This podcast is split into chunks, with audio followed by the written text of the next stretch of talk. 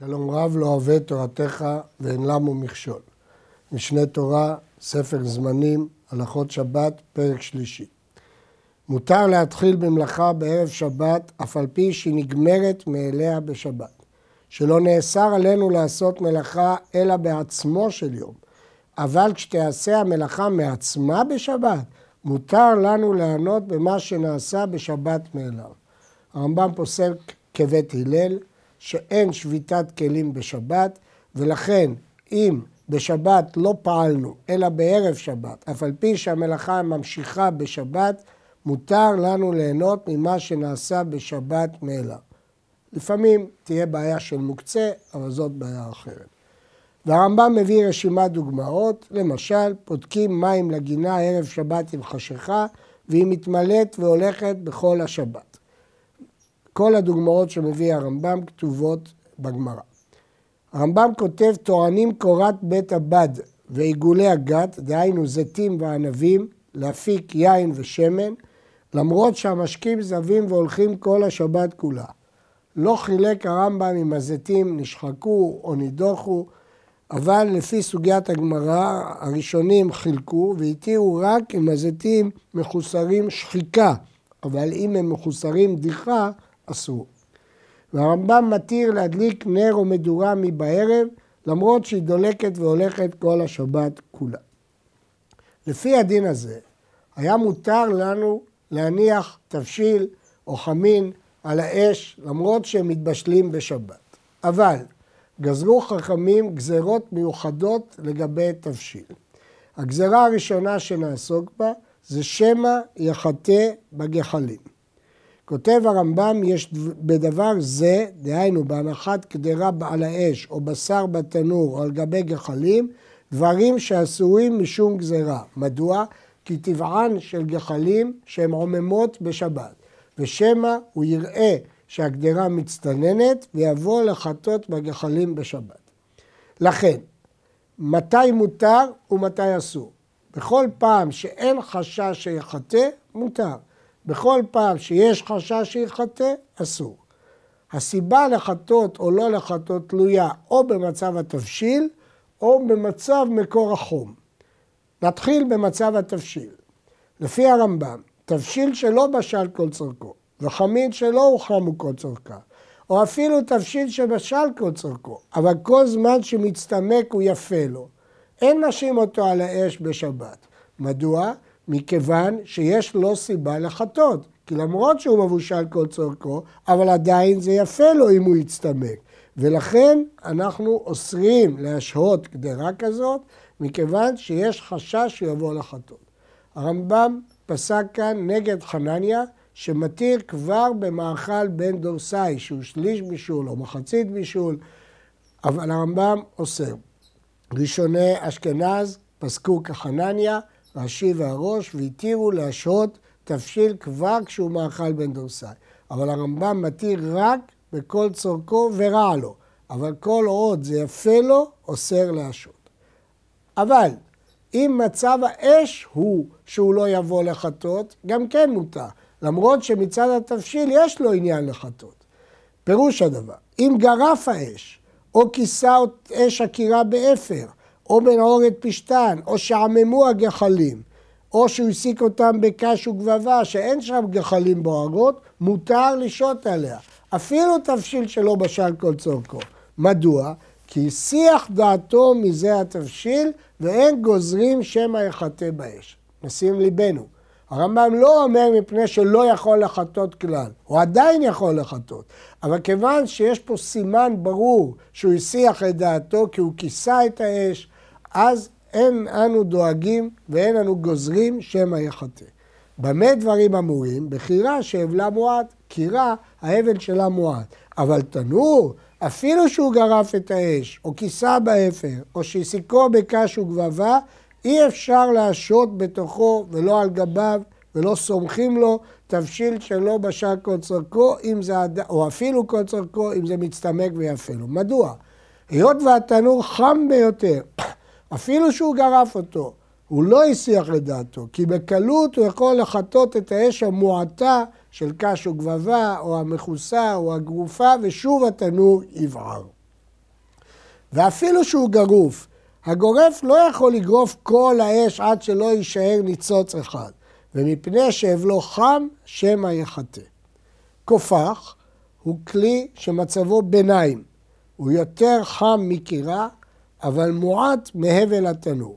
לפיכך, מצבו ביניים. אם הסיקוהו בגפת או עצים, דינו כתנור, ואם הסיקוהו בקש וגבבה, דינו כקירה. מותר לסמוך לקירה מבערב, לא על גבה, אלא סמוך לה, אף על פי שאינה גרופה וכתומה. קירה זה מקום שפיטת שתי קדרות. כופח הוא מקום שפיטת קדרה אחת. אמרנו שלמרות שמצד האש הוא יכול לחטות, אבל אם מצד התבשיל אין לו אינטרס לחטות, מותר. ולכן, תבשיל חי שלא בשל כלל, או שבשל כל צורכו הוא מצטמק ורע לו, או אפילו שהשליך לתוכו אבר חי סמוך לבין השמשות, כל הדין של התבשיל הוא של תבשיל חי, כי ברור שהוא הסיח את דעתו ממנו, והוא לא יבוא לחטות בגחלים.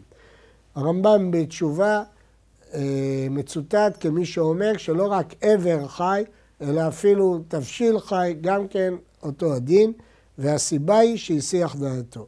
כמה זמן צריך שיסיח דעתו, אם זה יתבשל רק מחר או לאחר כמה שעות, דנו בכך המפרשים. בהלכה ט' עוסק הרמב"ם בדין של תבשיל שאסור לשהותו. אם עבר ושיעה אותו, אסור לאוכלו עד מוצאי שבת, וימתין בכדי שיעשו. כך גורס הרמב"ם בסוגיית הגמרא, ואם שכחו, אם הוא לא עבר אלא שכח, אם תבשיל שלא בשל כל צורכו אסור עד מוצאי שבת. ואם תבשיל שבשל כל צורכו הוא מצטמק ויפה לו, מותר לאוכלו מיד בשבת. כן, כאן הרמב"ם עושה חילוק. למרות שאמרנו שתבשיל שמצטמק ויפה לו, דינו כתבשיל שלא בשל כל צורכו, זהו לעניין לכתחילה. אבל לעניין בדיעבד, אם שכח ושהה, כאן יש חילוק. שאם לא בשל כל צורכו, אסור לאכלו בשבת.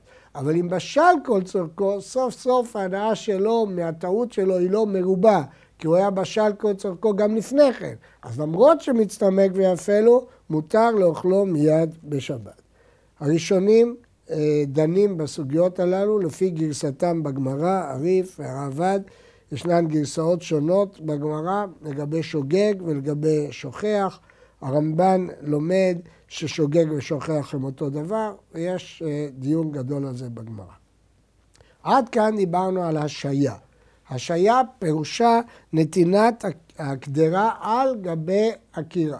לא הטמנה בתוך הקירה ולא החזרה בשבת לקירה, אלא השעיה מערב שבת על גבי הקירה. אבל מה הדין לגבי החזרה בשבת? כותב הרמב"ם, כל שמותר לשהותו על גבי האש כשנוטלים אותו בשבת, אסור להחזירו למקומו. כלומר, כל ההיתר הוא לשהות בערב שבת, אבל לא להחזיר. מתי מותר להחזיר? מותר להחזיר רק אם הקירה גרופה או כתומה, או קירה וכופח שהוסקו בקש וגבבה, בתנאי שלא הניח את הקדרה על גבי קרקע. אבל אם הניח את הקדרה על גבי קרקע, אין מחזירים אותה אפילו על קירה גרופה או מכוסה. כלומר, גם קירה שמותר להשעות עליה, שאין חשש שמא יחטא. בכל אופן, אסור להחזיר לה בשבת, אלא אם כן כשנטלת לא הנחת על גבי קרקע, שאז מותר להחזיר. מה הסיבה? הרי אין חשש שמא יחטא בגחלים. אומרים הראשונים כי בהחזרה יש חשש נוסף של מחזה כמבשל. הוא נראה כמבשל בשבת. ולכן גם אם הקירה גרופה או כתומה, אסור להחזיר בשבת. יש להעיר שבגמרא נוספים מקרים נוספים, בעיות, מה הדין אם זה לא על הקרקע ולא באוויר. הרמב"ם השמיט את הבעיות האלה שהסתיימו בתיקו. עוד חילוק מופיע בגמרא אם דעתו להחזיר או אין דעתו להחזיר. ויש ראשונים שדיברו על הקשר בין דעתו להחזיר להניחה על גבי קרקע, אם צריך את שני התנאים או רק אחד מהתנאים. הרמב"ם השמיט את כל הסוגיה הזאת של דעתו להחזיר, והשאיר רק את החילוק אם הוא הניח על גבי קרקע או לא, ותלוי הדבר בסוגיית הגמרא. בהלכה י"א כותב הרמב"ם, אסור להכניס מגרפה לקדרה בשבת והיא על האש. להוציא ממנה בשבת, מפני שמגיס בה, וזה מצורכי הבישול הוא, ונמצא כמבשל בשבת. ובכן, אסור להכניס מגרפה לקדרה כשהיא על האש, כי הוא מגיס. יש כאן כמה חידושים. החידוש הוא שהרמב"ם לא עשה רק להגיס, אלא אפילו להכניס מגרפה מפני שמגיס, כעובדה שהוא מגיס בה. הרעב"ד חולק ואומר שדווקא אם הוא מגיס, אבל להכניס מגפה זה לא נקרא להגיס. כלומר, לפי הרמב"ם, אי אפשר להוציא אוכל במצקת מקדרה שמונחת על האש בשבת. צריך להעיר על הביטוי מפני שזה כצורכי הבישול. לא מבשל כצורכי הבישול, או מצורכי הבישול. אנחנו נראה שהכלל הזה מופיע כמה פעמים בהלכות שבת אצל הרמב"ם, שכל דבר שהוא מצורכי המלאכה, נראה את זה גם במלבן ובעוד מקומות, הוא הופך להיות חלק מהמלאכה. ראשונים אחרים דנו מה הדין של מגיס כשהוציאו את הקדרה מעל האש. מהרמב"ם משמע שרק על האש יש מגיס. מותר להחזיר מקירה לקירה, אפילו מקירה שאבלה מועט לקירה שאבלה מרובה, אבל לא מקירה להטמנה ולא מהטמנה לקירה. וכמובן שלתנור אי אפשר להחזיר אפילו בגרוף וכתום, כי למדנו שבתנור גרוף וכתום הבלו חם ביותר, אי אפשר להחזיר לו וגם אי אפשר לסמוך לו.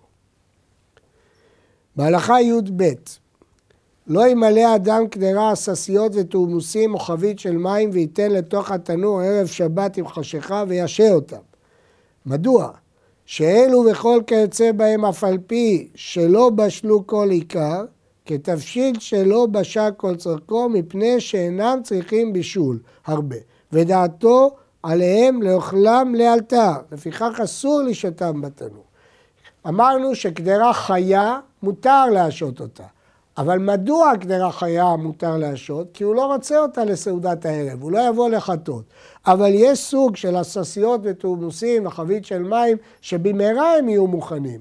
ולכן, למרות שהם חיים לגמרי, אסור להשעותם, כיוון שהם יהיו כן מוכנים לערב ויש חשש שהוא יבוא לחטות.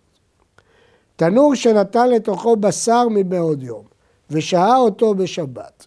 אם בשר גדיר וכיוצא בו, מותר. מדוע? שאם יחטא בגחלים יתחרך הבשר, שאינו צריך אלא חמימות האש בלבד. ואם בשר עז או בשר שור אסור, שמא יחטא בגחלים. ואם תח פי התנור ביתית מותר, שאם בא לפתוח התנור לחטות ייכנס הרוח, יתקשה הבשר וייפסד ויצטנן התנור.